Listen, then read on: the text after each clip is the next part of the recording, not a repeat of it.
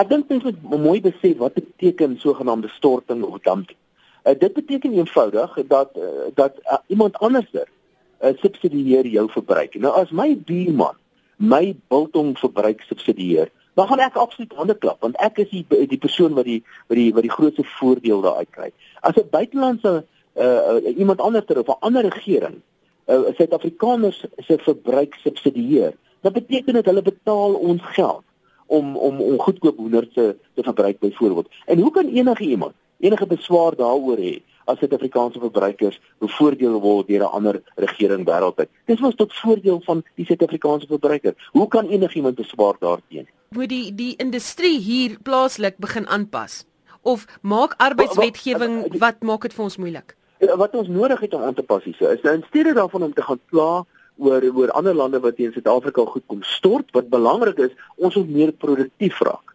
Ons moet meer internasionaal kompeterend raak. En ons raak meer internasionaal kompeterend deur 'n omgewing te skep waarin dit makliker is om besigheid te, te doen. En dit sluit goeders in soos byvoorbeeld ekonomiese beleid, belastingbeleid, infrastruktuur, die beskikbaarheid van goed opgeleide arbeid, uh, elektrisiteit en dies meer. So moenie kyk na die prys, kyk eerder na die koste wat dit verbonde is aan produksie in Suid-Afrika baie arme mense koop hierdie basies gesubsidieerde produkte in Suid-Afrika as die bewering korrek is en dit is tot voordeel van die arme mense en op die ou end gaan enige produksie maar net oor een persoon en dit is die finale verbruiker. Dit gaan nie oor die produsent nie. So mense moet onthou, alhoewel daar miskien sekere produsente is wat skade ly, uh, is dan natuurlik verbruikers wat baie groot voordeel daaruit kry. Mense kan ook argumenteer dat Suid-Afrikaanse produsente op spesifieke snitte, veral die sogenaamde witvleis, kan hulle dan sogenaamd gaan gaan stort in die ander lande. Hoekom doen hulle nie dit?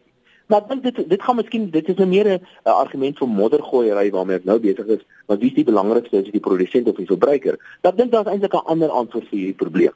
Tipies wat gebeur wanneer mense praat oor 'n spesifieke industrie en 'n industrie wat op 'n of ander manier hulp nodig het, dan is dit die die die gebruik vir die produsente en die gebruik vir politici om net na een aspek te kyk en dit is die prys van die spesifieke produk. Ek dink dit is heeltemal verkeerd.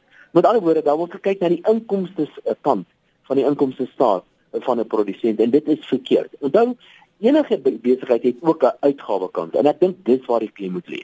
So in steede daarvan om die prys vir produsente in Suid-Afrika kunsmatig op te stoot deur byvoorbeeld 'n invoerheffing daar te stel om hulle sogenaamd te help, dink ek is dit baie meer belangrik om meer klem te lê op die uitgawes van hierdie produsent. Byvoorbeeld, het ons produsente maklike en behoorlike instandhoude infrastruktuur? Het ons produsente byvoorbeeld mense wat met die nodige kwalifikasies wat hulle kan kom werk in die nodige produktiwiteitsvlakke? Het ons produsente byvoorbeeld uh, toegang tot uh, behoorlik gepryste elektrisiteit? Het ons produsente byvoorbeeld werk hulle of investeer in 'n omgewing wat vriendelik is vir besigheid? En dis die antwoord.